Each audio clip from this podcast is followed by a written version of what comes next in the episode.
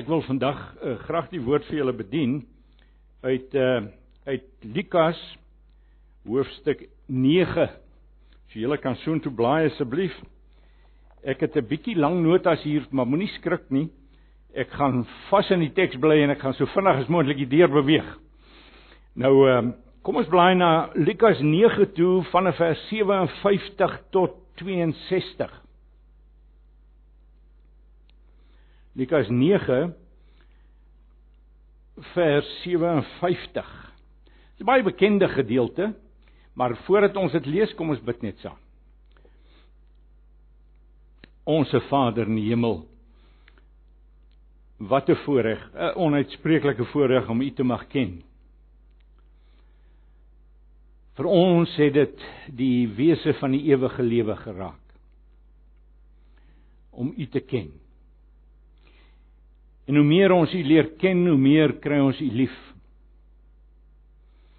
En dis die eerste en die groot gebod. En daarom bid ons Here dat U ons liefde vir U sal laat toeneem oor die volle spektrum van ons persoonlikheid. Ons bid dat U ons sal ondersoek en ons sal weeg op die skaalbakke van U standaarde. Daar waar ons liefde vir U miskien nog te kort skiet en nie is wat dit moet wees nie, vra ons dat U die nodige verstellings in ons lewens en in ons harte en ons denke sal maak. Ja, U roep ons om U lief te hê met ons hele hart, siel, verstand en krag. Daarom oor die volle spektrum van ons bestaan. Help ons en mag dit waar wees van hierdie gemeente.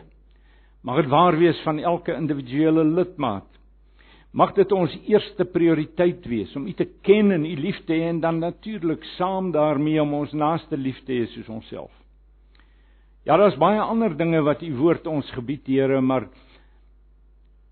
as dit in ons lewens gaan oor hierdie eerste prioriteite, dan val die ander dinge in plek, so glo ons. So ons vra dat U ons as gemeente dus as individue, as disippels van Jesus sal help dat ons by uitnemendheid hierdeur gekenmerk sal word. Dat ons U ken en dat ons U liefhet en dat ons ons naaste liefhet. Ag Here ons God. Ons is môre hier saam, 'n klein handjievol mense in 'n groot saal. En ons bid dat U die woord nou sal gebruik om ons almal op te bou in die allerheiligste geloof belangrike woorde wat die Here Jesus uitgespreek het en mag ons die gewigtigheid daarvan begryp en verstaan en toepas op ons lewens. Mag ons in staat gestel word deur die Heilige Gees om dit uit te leef, nie om daardeur ons saligheid te verwerf nie of te bereik nie, want dit is Christus Jesus alleen. Maar om daardeur U naam te verheerlik en U te behaag. Here ons God, help ons dus nou as ons na U woord kyk. Ons vra dit in die naam van ons middelaar die Here Jesus Christus. Amen. Lukas hoofstuk 9 vers 57. Ek lees vir ons uit die uh die direkte vertaling. Ek weet nie hoeveel van julle hom ken nie, maar dit is die nuwe amptelike vertaling. Ongelukkig is ons net die Nuwe Testament nie Psalms beskikbaar. Maar ek moet sê ek is nogal relatief gelukkig met hierdie vertaling terwyl ek met die vorige 1983 vertaling nooit baie op my gemak was nie. Omdat dit te veel van 'n parafrase is. Hierdie een sê julle sien as julle die van julle wat hom ken sal dit ook weet dat hy eintlik baie na in die ou vertaling lê. Dis nie omdat die ou vertaling nou per se heilig is nie, Trouwens hulle het verskillende grondtekste gebruik, maar dit gee jou net 'n aanduiding van hoe akkuraat die ou vertaling tog was. Bietjie antieke Afrikaans. En hierdie een is natuurlik moderne Afrikaans en ek geniet hom dus. Ek lees dus vir julle vanuit die nuwe Afrika ag eh, vanuit hierdie direkte Afrikaanse vertaling. Terwyl hulle op pad was vers 57, het iemand vir hom gesê: "Ek sal u volg waar jy ook al gaan." Maar Jesus het hom geantwoord: "Die jakkalse het gate en die voëls van die hemel neste, maar die seun van die mens het geen plek waar hy sy kop kan neerlê nie." En vir 'n ander een het hy gesê: "Volg my." Maar hy het geantwoord: "Here, laat my toe om eers my pa te gaan begrawe." En Jesus het vir hom gesê laat die dooies lê, dooies begrawe, maar gaan jy verkondig die koninkryk van God. Nog 'n ander een het gesê, ek sal u volg, Here, maar laat my toe om net eers my huismense van hulle afskeid te neem. En Jesus het vir hom gesê: "Niemand wat sy hand aan die ploeg slaan en na omkyk is geskik vir die koninkryk van God nie." Nou uh hier word nou vertel, soos ons nou sien, van Jesus se ontmoeting met drie potensiële navolgers. Uh die eerste een en die laaste een het kom aanmeld daarvoor en die middelste een word deur die Here geroep. En uh in al drie gevalle word baie betekenisvolle karaktertrekke van disippelskap vir ons onderstreep. En as sodanig is dit vir ons van kardinale belang. Kom ons kyk wel wat die eerste man betref, ek gaan nie veel oor hom sê nie, is redelik voor die hand liggend. Maar wat Jesus vir hom sê en wat die boodskap is wat hierdie gedeelte deurbring, verse 57 en 58, is dat 'n lewe van disippelskap een is van eenvoud. Van eenvoud selfs soms, kom ons wees eerlik, van armoede. Wat samehang met jou disippelskap. Maar ek sê selfs soms dit is 'n lewe van ontbering dikwels van uitdeling en van vreemdelingskap. Nou mag ek sê vanmôre broers en susters, julle mag dalk ongemaklik wees met hierdie uitsprake van die Here Jesus. Ek dink almal van ons is 'n bietjie ongemaklik as ons deur dit lees. Maar die feit bly net staan, dit is wat die koning van die konings vir ons sê. En laat ons dit dus ernstig opneem. Bring ons by die tweede man vers 59 tot 60. En die boodskap wat hierdie twee verse vir ons deurgee, is dat 'n lewe van disippelskap dikwels die verbrokkeling van dierbare verhoudings meebring. En dit lei 'n mens weer en weer strydig met die konvensies en die tradisies van 'n gefalle wêreld. En 'n mens word dus in die proses, soos jy Jesus navolg, 'n vreemdeling en 'n bywoner in hierdie wêreld. En jy beleef dit al hoe meer. Nou hierdie man se beswaar wat hy het as hy dan nou sê, Here, ehm um, Ekskuus, ek moet net die aan die een vir 'n ander een het hy gesê volg my, maar hy het geantwoord, ekskuus tog. Here, laat my toe om eers my pa te gaan begrawe. Nou julle sal sê maar dis al 'n baie redelike versoek, is dit nie? Maar ons moet hierdie beswaar van hierdie man reg verstaan.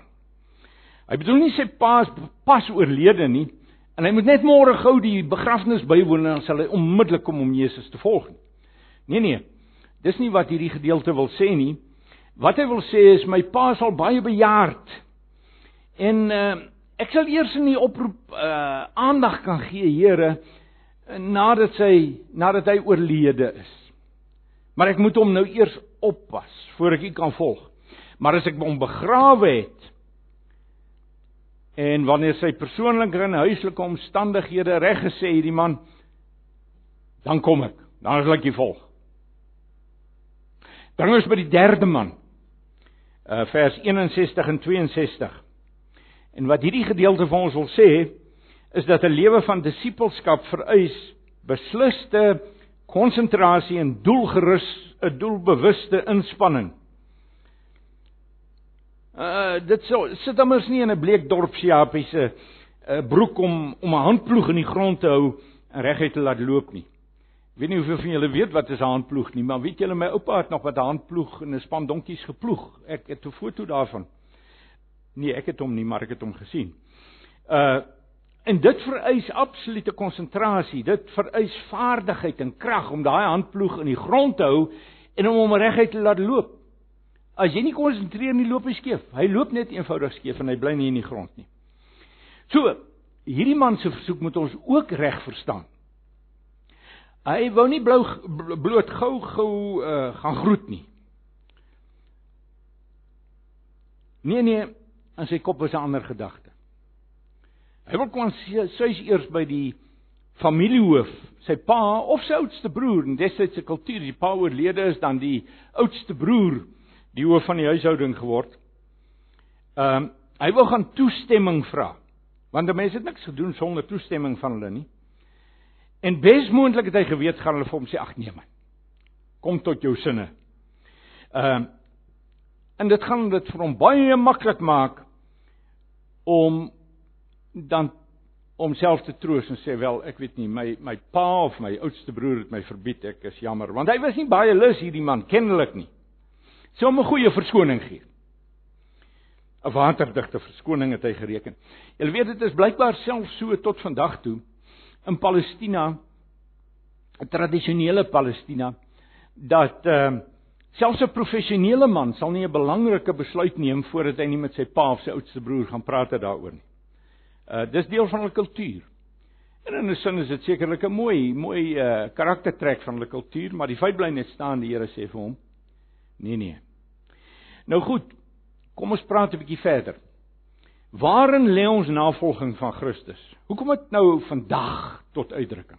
Hoekom dit in my lewe en in jou lewe tot uitdrukking? Nou wat ons moet verstaan is alles in die Here se lewe is vir ons lering, tot lering. Maar nie alles is vir ons navolging nie. Alles is vir ons tot lering, maar nie alles is vir ons tot navolging nie. Die Here Jesus het immers 'n unieke missie gehad, is dit nie?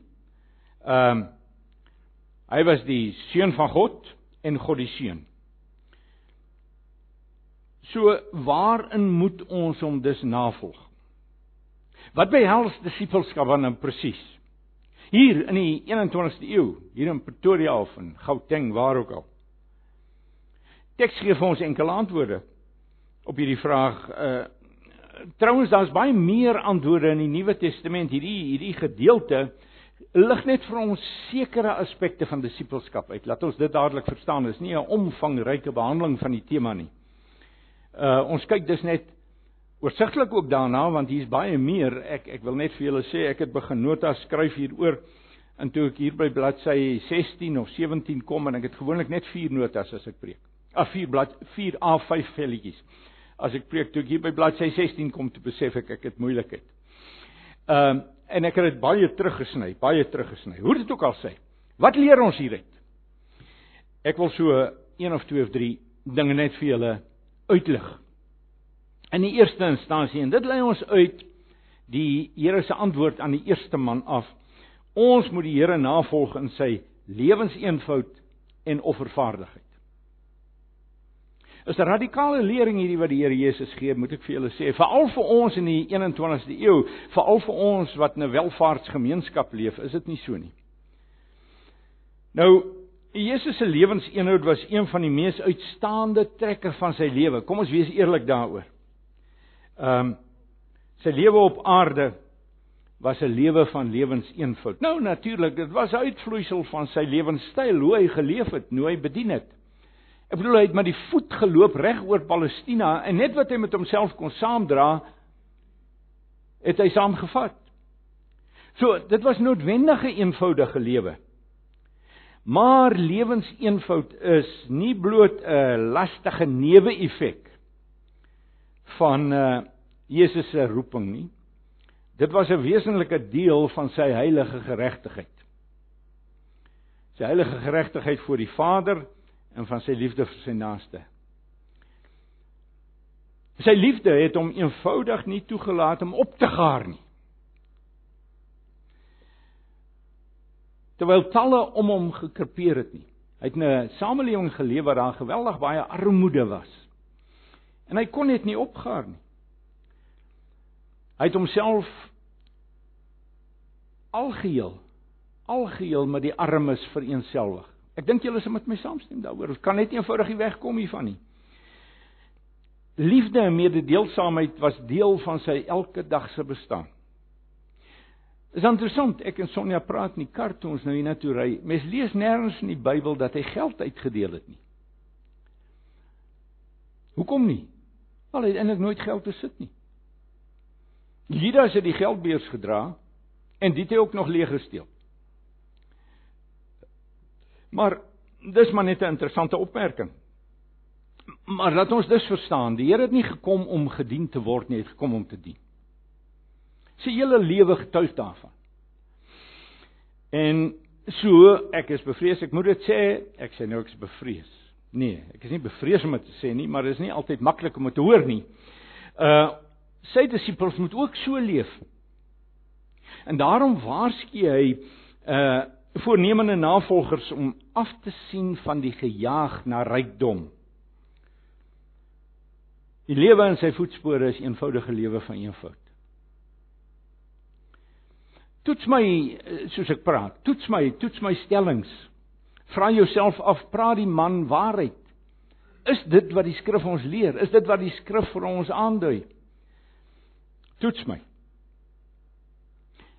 Om in sy voetspore te volg, broers en susters, het eenvoudig radikale implikasies. En dis duidelik volgens die Nuwe Testament wie sê wie nie sy besittings groet nie kan nie bybly by Jesus nie.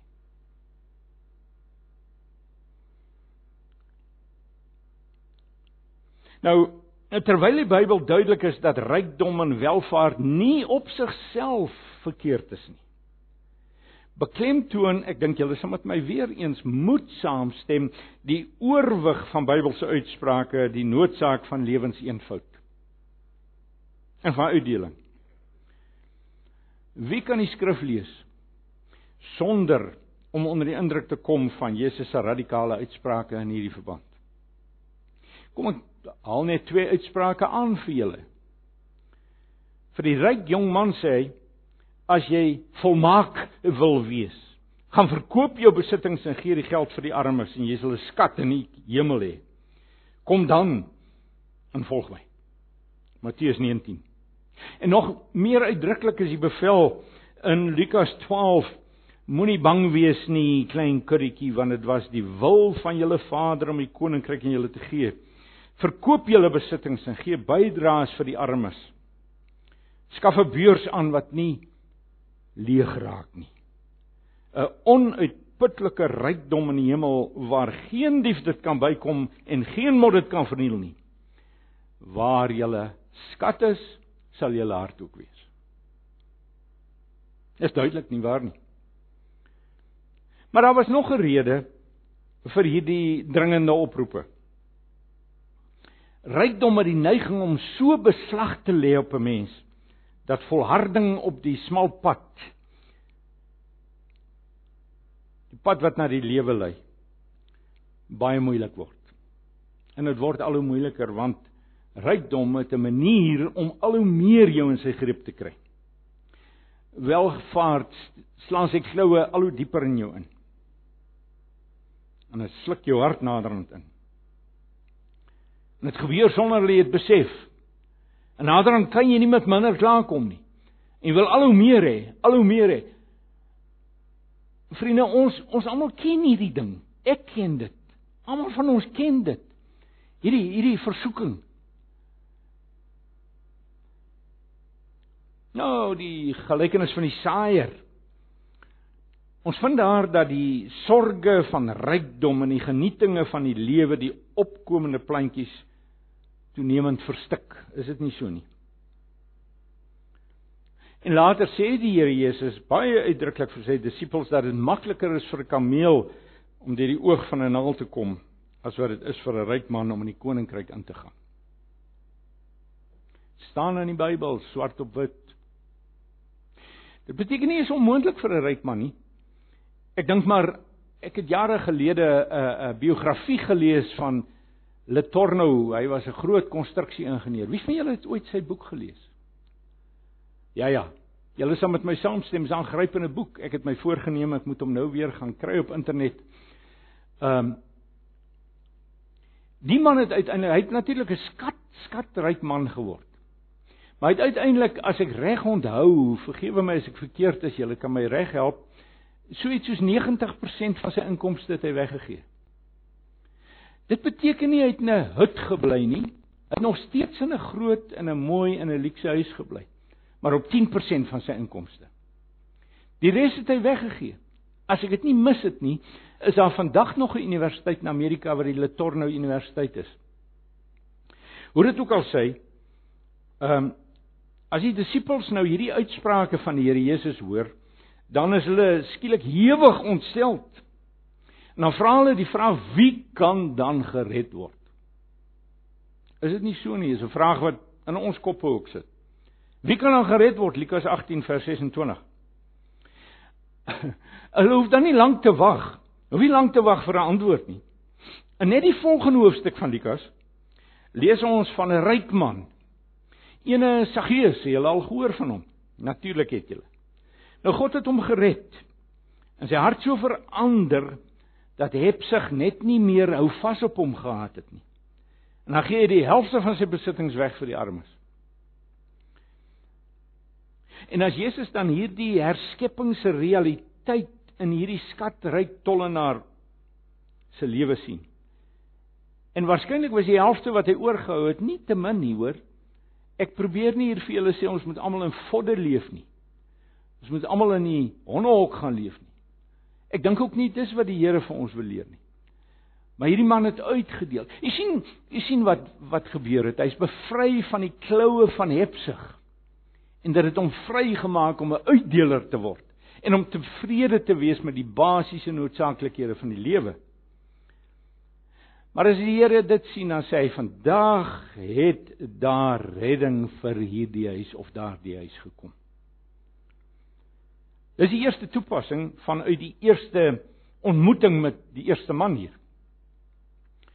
Nou Jesus se antwoord in die tweede man sê vir ons ons moet die Here in absolute eerlikheid en opregtheid en integriteit navolg. Met ander woorde, dit moet uit ons harte uitkom.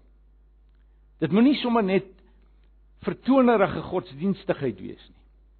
En ek dink dit ken ons ook almal goed. Ek het 28 jaar van my lewe was ek 'n getroue kerklidmaat. Voordat ek gered is.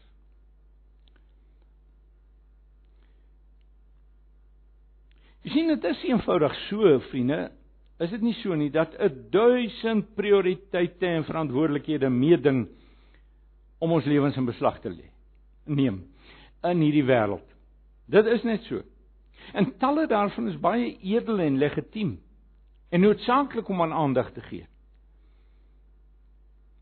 En so lyk dit vir ons nou na hierdie tweede man se verantwoordelikheidsgevoel vir sy ou vader of oor sy ou vader.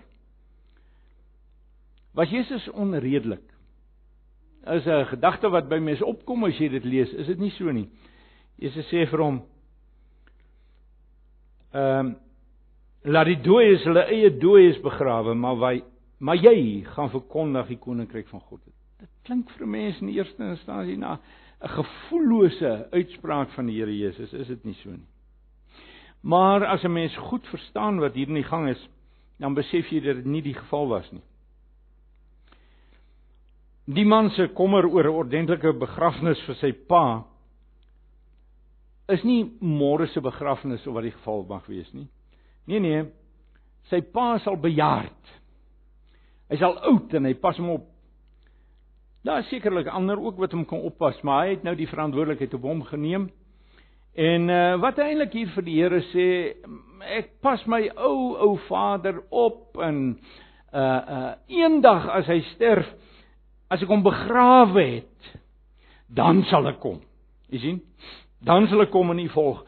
En natuurlik het hy in sy agterkop geweet, miskien is daar 'n erfporsie ook ter sprake. Kyk, kom ons sê dit baie reguit.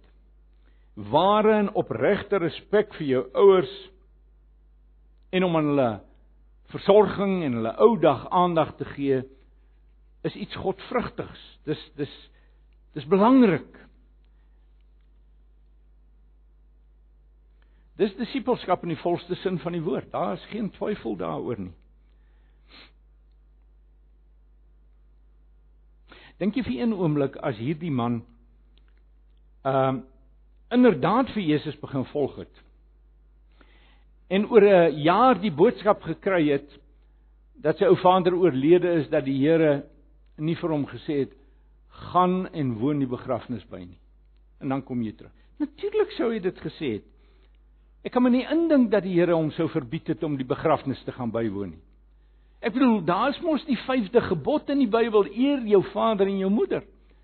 So ons moet nie hierdie hierdie uitspraak van die Here verkeerd verstaan en hierdie situasie verkeerd verstaan nie. Nee nee, dit gaan hier oor eerlikheid en opregtheid en integriteit in ons verhouding met die Here en in ons navolging van Jesus. Dit gaan oor suiwer en heilige motiewe. En dit vereis natuurlik van ons gereelde selfondersoek, is dit nie so nie? Ons moet meedoenloos eerlik wees met onsself broers en susters. Dit is baie interessant. As uh, Johannes 4 vers 23 sê dat ons die Here moet aanbid in geloof, nee, in gees en in waarheid, vergewe my. In gees en in waarheid, dan is daar twyfel onder eksegete of daardie die woord gees in die Grieks met 'n hoofletter of 'n klein lettertjie gespel moet word. Wonder of julle dit al opgelet het. Maar is interessant, ek het dit vinnig nageslaan, die ou Afrikaanse vertaling en hierdie uh, direkte Afrikaanse vertaling in die NIV en die New American Standard Bible en die ESV en toe ek opgehou kyk, vertaal almal hierdie woord gees met 'n klein lettertjie G. En dan beteken dit jou hart jou innerlike mens. Uh en en wat die Here daar dus sê, ware aanbidders aanbid hom in gees en in waarheid. Hulle aan die nuwe vertaling te loop spel hom met 'n hoofletter. En ek sê nie dis noodwendig verkeerd nie. Dis jy weet uh want die Grieks gee nie vir ons daar 'n aanduiding nie, maar as 'n mens na die konteks kyk, dan lyk dit vir my inderdaad korrek om dit met 'n klein lettertjie G te spel. En wat dit maar net wil sê is 'n ware aanbidder aanbid die Here vanuit sy hart en in waarheid. Met ander woorde, hy's 'n opregte aanbidder. Hy's 'n opregte aanbidder. Dit bring ons by die derde man. En kom ek stel dit so vir julle. Wat die Here daar wil leer is ons moet die Here navolg met absolute vasbeslotenheid, toewyding, lewenserns toegespitste konsentrasie. Ons moet ons oë ook vasnaal op die ewige loon. Ons moet dus weet ons is in 'n wedloop. Ons moet konsentreer. Ons moenie skeef trap nie. Dit lei mense af uit Jesus se antwoord aan hierdie derde man. Uh Filippense 2 sê byvoorbeeld dieselfde gesindheid moet in julle wees wat daar ook in Christus Jesus was. Hy was gehoorsaam tot die dood ja die dood aan die kruis. Kan jy sien Jesus 'n missie gehad. Hy het presies geweet waarom is hy hier. Hy het presies geweet waarheen hy op pad is. En dis die pad wat hy geloop het en niks kon daan slaag om hom van daai pad af te kry nie. Of Johannes 4 vers 34. My voedsel is om die wil te doen van hom wat my gestuur het en om sy werk te voltooi. Dit was die Here Jesus se gesindheid. En dit moet jou en my gesindheid wees, jy sien? Nou veral vier dinge het die Here Jesus se gehoorsaamheid gekenmerk as mens 'n bietjie daaroor nadink. 1 Dit was altyd doelgerig. Hy het geweet waarheen hy gaan, hy het geweet waarheen wil hy gaan, hy het geweet waarheen moet hy gaan en daarheen het hy gegaan. Hy het een hartstog gehad. Sy Vader se wil en behaag in alles. En presies dit moet jou en my hartsgesteldheid wees. 2. Dit was altyd ek praat van die Here Jesus se gehoorsaamheid. Dit was altyd vrywillig en blymoedig. Hy het nooit hakke in die grond gehoorsaam. Hy het nooit onwillig gewees nie. Jy kry niks, geen aanduiding daarvan in die evangelies nie. Dit was altyd sy vreugde om sy Vader te behaag en te verheerlik. 3. Dit was algeheel vry van selfbelang. Sy Vader se eer en wil was al wat vir hom getel het. Julle weet dit so goed soos ek. 4. Here het 'n verbuisterende werksywer gehad. En tog was hy nooit haastig nie. Hy het nooit gehardloop nie. Hy het nooit gedrafstap nie. Hy het maar hy het presies geweet wat hy doen. Hy het nooit tyd gemors nie. Maar as dit tyd was om te rus, tyd was om te bid, dan het hy dit gedoen. Maar hy was hy het 'n werksywer gehad. En daarom het hy ook gesê solank as dit in Johannes 9, solank as dit nog dag is, moet ons die werk doen wat van hom wat my gestuur het. Die nag kom wanneer niemand kan werk nie. Jy sien dit was sy gesindheid. En dit moet jou en my gesindheid wees in ons kristendom ook. En en nou het ons vinnig deur hierdie paar verse gewerk en ek hoop julle het dalk so iets beter van 'n insig in dit of van 'n beter insig in dit. Maar ek wil nou meer beweeg na toepassing toe. In die eerste instansie, kom ons vra die vraag oor navolging van Jesus en die ewige lewe. Het ons 'n opsie? Is dit 'n kwessie van vrywilligheid? Is dit 'n kwessie van uh uitnemendheid wat nie regtig nodig is nie? Ek dink die Bybel leer ons baie duidelik broers en susters dat alleen diegene wat in Jesus se voetspore volg, hoe genaamd aanspraak kan maak op egte Christendom en net hulle het enige grond om die ewige lewe te verwag. Weereens, julle ken die Nuwe Testament so goed soos ek. Nou, waarom is 'n gehoorsaamheid nou en redding eendag so onlosmaaklik aan mekaar verbonde. As 'n paar redes voor. Mag ek net vinnig sê, dis nakkies. Ag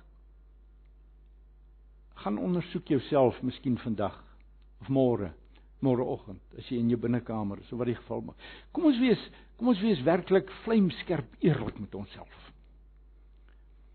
Kom ons dink oor hierdie goed. Ons werk dit deur. Ons toets onsself bid daaroor en sê Here, is dit waar van my? Ek kan vir julle sê terwyl ek hierdie preek uitgewerk het, het ek sonder sonde besef gekom is dit nie waar nie.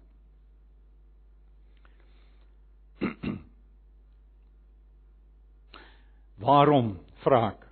Is gehoorsaamheid nou en redding eendag so onlosmaaklik aan mekaar verbonde? Daar's 'n paar redes voor. Ek dink 'n mens kan dit sê toegewyde, doelgerigte, inspannende disippelskap en heiligmaking is deel van die reddingsproses. Is deel van die reddingsproses. So het God dit verordeneer. God het 'n die Here God het 'n eindbestemming vir sy uitverkorenes verordeneer. Maar hy het ook die pad waarop hulle soontoe moet loop verordeneer en vasgelê. Die twee dinge is onlosmaaklik aan mekaar verbonde pad van gehoorsaamheid, die pad van heiligmaking, die bekeerde pad soontoe is onlosmaaklik verbonde aan die bestemming. Die Here God se verlossingswerk in ons lewens is 'n geïntegreerde eenheid.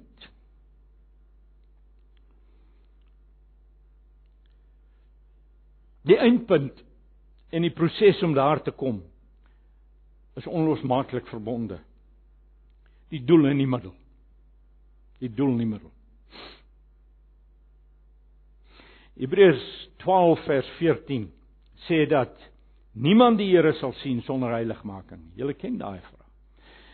En en ek onthou vroeg in my Christelike lewe het dit vir my het dit my laat wonder. Nou maar waar kom redding deur geloof alleen dan nou in? As dit heiligmaking is wat so noodsaaklik is vir redding. Dis omdat hierdie twee dinge so onlosmaaklik verbonde is. As jy gered word, as jy wedergebore word, dan werk die Here heiligmakend in jou. Hy werk in jou om te wil sowel as om te werk na sy welbehae. Dis onlosmaaklik verbonde. En daarom, as daar nie heiligmaking in jou lewe is, is daar nie redding nie. En dit gaan nie jou lewe gaan nie uitloop op redding nie. So dis Hebreërs 12 vers 14 sê net op 'n ander manier sê dit niemand sal die Here sien sonder gehoorsaamheid en kruisdra nie. Sonder heiligmaking. Dit is onmoontlik om gered te word. Sonder kruisdra. Sonder heiligmaking sal niemand die Here sien nie. Nou goed, kom ons praat net gou, gou. Hey, ek gaan korter preek as gewoonlik. Oor enkele implikasies. Net enkele implikasies hiervan.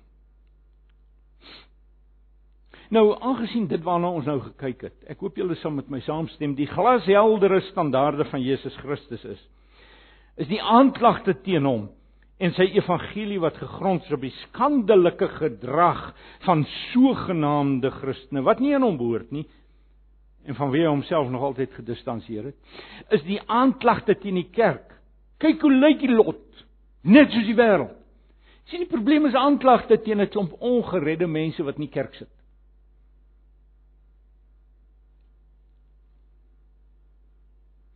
Die Here Jesus het hom nog altyd gedistansieer van sulke mense. Die skrif is daaroor so duidelik soos nog iets. Die allerlaaste plek om te beklee wanneer jy voor hom moet verskyn is die plek van 'n huigelaar.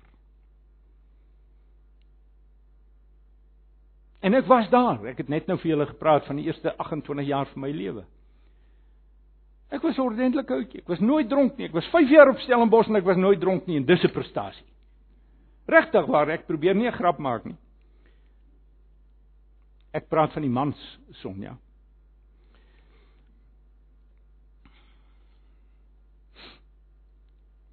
Maar die Here het hom nog altyd gedistansieer van huigelaars. En julle weet dit so goed soos ek. Die Bybel is daaroor glashelder duidelik. Nou almal van ons skiet tekort. Is dit nie so nie? Ons weet dit soos ons hier is, saam is in hierdie saal. Ons skiet almal tekort. Natuurlik is ons almal almal nog tragies gebroken. Beste van ons is maar ten dele omskep na Christus se beeld. Dis 'n proses. Dis 'n proses. Maar partymal as ek so terugkyk oor my lewe, ek is nou ek dink 45 jaar 'n Christen. Dan weet ek nie of ek veel gevorder het in hierdie 45 jaar nie. Reg, ek is eerlik as ek dit vir julle sê. En tog is disippels van die Here Jesus Christus anders. Baie anders as die mense van hierdie wêreld. Ons is gister ek en Sonja was dit gister? Ja, maak nie saak nie, afgelope week. Was ons daar in 'n groot inkoop koopsentrum in Randburg. My geheue is besig om op te pak. Ek kan nie eens onthou hoekom was ons daar of wat het ons gedoen nie, maar die punt is ek het o ja, ons het daar gestap. En ek het na die mense gekyk. En weet jy, natuurlik kan 'n mens nie weet as jy ou aangestap kom na jou toe of hy gered is nie. En tog. Kan iets daarvan sien op sy gesig, op sy klere drag, sy houding, sy tatoeëermerke. daarmee sê ek nie 'n tatoeëermerke sonde nie, asseblief nie. Maar julle sal weet 'n Christen huiwer om dit te doen, dink ek. Dink ek. Ek sien nou nie my hemp vir julle oopknoop nie. Hoe dit ook al sê. Maar jy sien die mense so en jy kry net eenvoudig hierdie indruk ons wêreld en ons samelewing is ongered. Dit ten spyte daarvan dat daar 10000de ware Christene in ons land is. Dit gaan nog relatief goed hier in Suid-Afrika in 'n sekere sin. Maar daar's miljoene mense in ons land. En onthou, uh, ek praat van al die mense in ons land. Ek praat van al die mense. Kom ek laat dit daar. Maar die punt is maar net almal van ons skiet tekort en tog is ons anders. Niemand sal my vertel Christene, die Christene wat ek ken, is nie anders as die wêreld nie. Nou die Bybel het baie troos vir die van ons wat gebroken is. Omdat ons nog so ver te kort skiet in ons najaging van die verhewe roeping om Jesus te volg. Bybel het baie troos vir ons wat die bewus is van ons gebrokenheid nog. Die swakheid van die vlees en die weerstand van die duiwel en die suigkragte van die wêreld bring kom ons wees eerlik in ons harte mislukking sonder tal in ons lewens. Is dit nie so nie? Dis nog die realiteit van ons almal. En tog sê ek, ons is anders as die wêreld. Glo dit met my hele hart soos ek hier staan, want ek ken julle al meeste van julle vir jare al. En ek ken baie ander Christene. Nou, vir die opreg gebrokenis. Let op hierdie woord, die opreg gebrokenis oor hulle eie mislukkings en sondigheid nog. Herinner die woord van God weer en weer, jou talle mislukkings hef nie jou regverdiging op nie. Ons word gered op grond van Christus se verdienste en daarop alleen. Ja ja, ons word geroep tot 'n heilige lewe. En ons wil 'n heilige lewe. Miskien stel die Here ons in staat, nie miskien nie definitief. Stel die Here ons in staat om om iets daarvan uit te leef. Is dit nie so nie? Ons sien dit in mekaar se lewens soos ek net nou nou net beklemtoon het. Maar ons is ook diep bewus van ons eie gebrokenheid.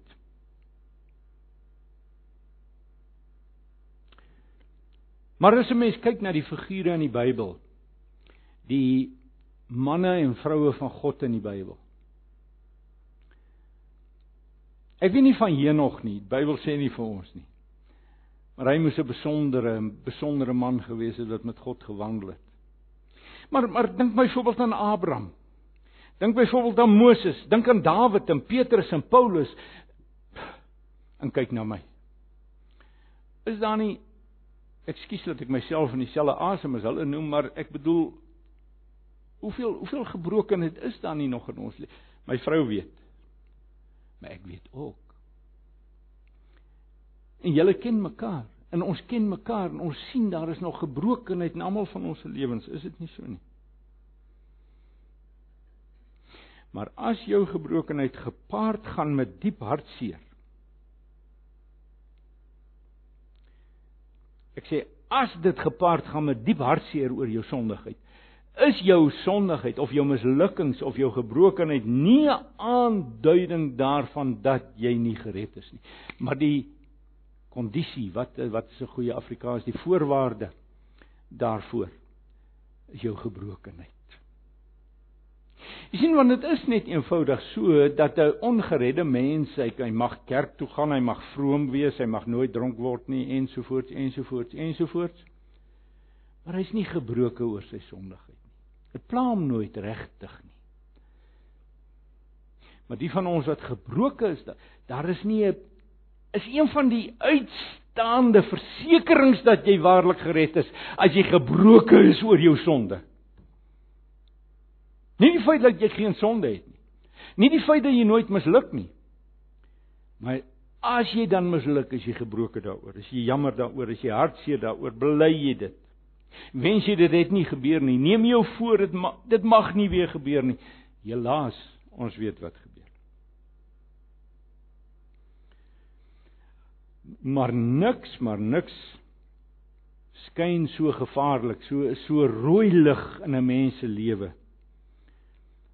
as gearriveerde selftevredenheid nie. Dis die rooi lig. Dis die rooi lig. Selftevrede gearriveerdheid. Nou, gebrokenheid en hiermee maak ek klaar gebrokenheid oor 'n disippelskap mislukkings word wonderlik deur die Heilige Gees in ons lewens gebruik. Wonderlik. Ons swakheid word soos klokslag in geestelike wins omskep. Is dit nie so nie? Midde in ons mislukkings leer ons ons eie harte en God se standaarde beter ken. So groei ons in die Here. So groei ons in begrip en waardering en dankbaarheid vir sy genade. Ons raak net dankbaarder oor Christus se volmaakte middelaarskap. En lees bes. Groei ons in liefde vir die Here. As hy een ding is nou dat ek begin ouer word wat sterker op my hart druk as ooit en wat meer in my gebede figureer as ooit dan is dit wat ek ook net nou gebid het ag Here gee dat ek U meer en meer sal lief hê. Ek het net geen geduld meer met met gebede wat wat dit nie as 'n sentrale tema het nie. Ek was nou onlangs in 'n gemeente waar die hele gemeente opgebreek het in klein groepe vir 'n aand van gebed of 'n redelike tyd van gebed. Nie net 2 of 3 minute soos net nou nie, maar 'n hele halfuur of 'n 3 kwartier van gebed. En die gebedsversoeke is op 'n oorhoofse met 'n oorhoofse projektor op 'n skerm gegooi. Maar dit was een na die ander. Bid hiervoor, bid hiervoor, bid daarvoor, bid daarvoor. Bid daarvoor, bid daarvoor. Sommige inval. Gimme, gimme, gimme, gimme, give us, give us, give us. Was Engelse gemeente. En ek ek ek kon nie saam bid daarmee nie. Dit het vir my net gevoel dit kan nie. Dit kan nie. Hoe kan 'n mens net instorm in die teenwoordigheid van die Here en net sê gimme gimme gimme give us. Nee, nee, nee. Ek wil julle aanmoedig broers en susters julle gebedslewe As dit kan, gebruik die helfte van jou gebedslewe uh, van jou gebedstyd om net jou liefde vir die Here te verklaar en jou aanbidding en jou verwondering en wees daarmee besig. Wees daarmee, wees met hom besig. Wees God gesentreerd in jou lewe soos jy soos jy weet hoe om dit te doen, ek is seker. Maar konsentreer, oefen jou hierin, oefen jou hierin, oefen jou hier.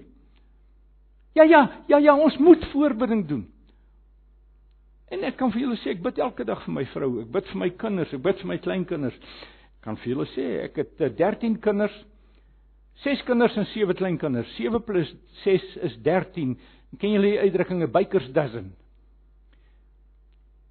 As daar een begrip is wat goed bekend is in die hemel, as dit die uitdrukking 'n bikers dozen. Ek sê Here, ek bid vir my bikers en dis nie al wat ek vir hulle bid nie, maar ek sluit hiermee af. Ek bid vir my bykers daar. So wat sê ek vir julle? Ek sê vir julle ja, 'n duisend maal ja, daar's plek vir voorbinding. Daar moet voorbinding wees. Maar eers nadat jy nadat jy by die Here God was. Hoekom kom ek nou hierby uit? Ek weet nie. Maar maar elke keer as ek die spoor byster raak. As die kruis my in die grond wil indruk.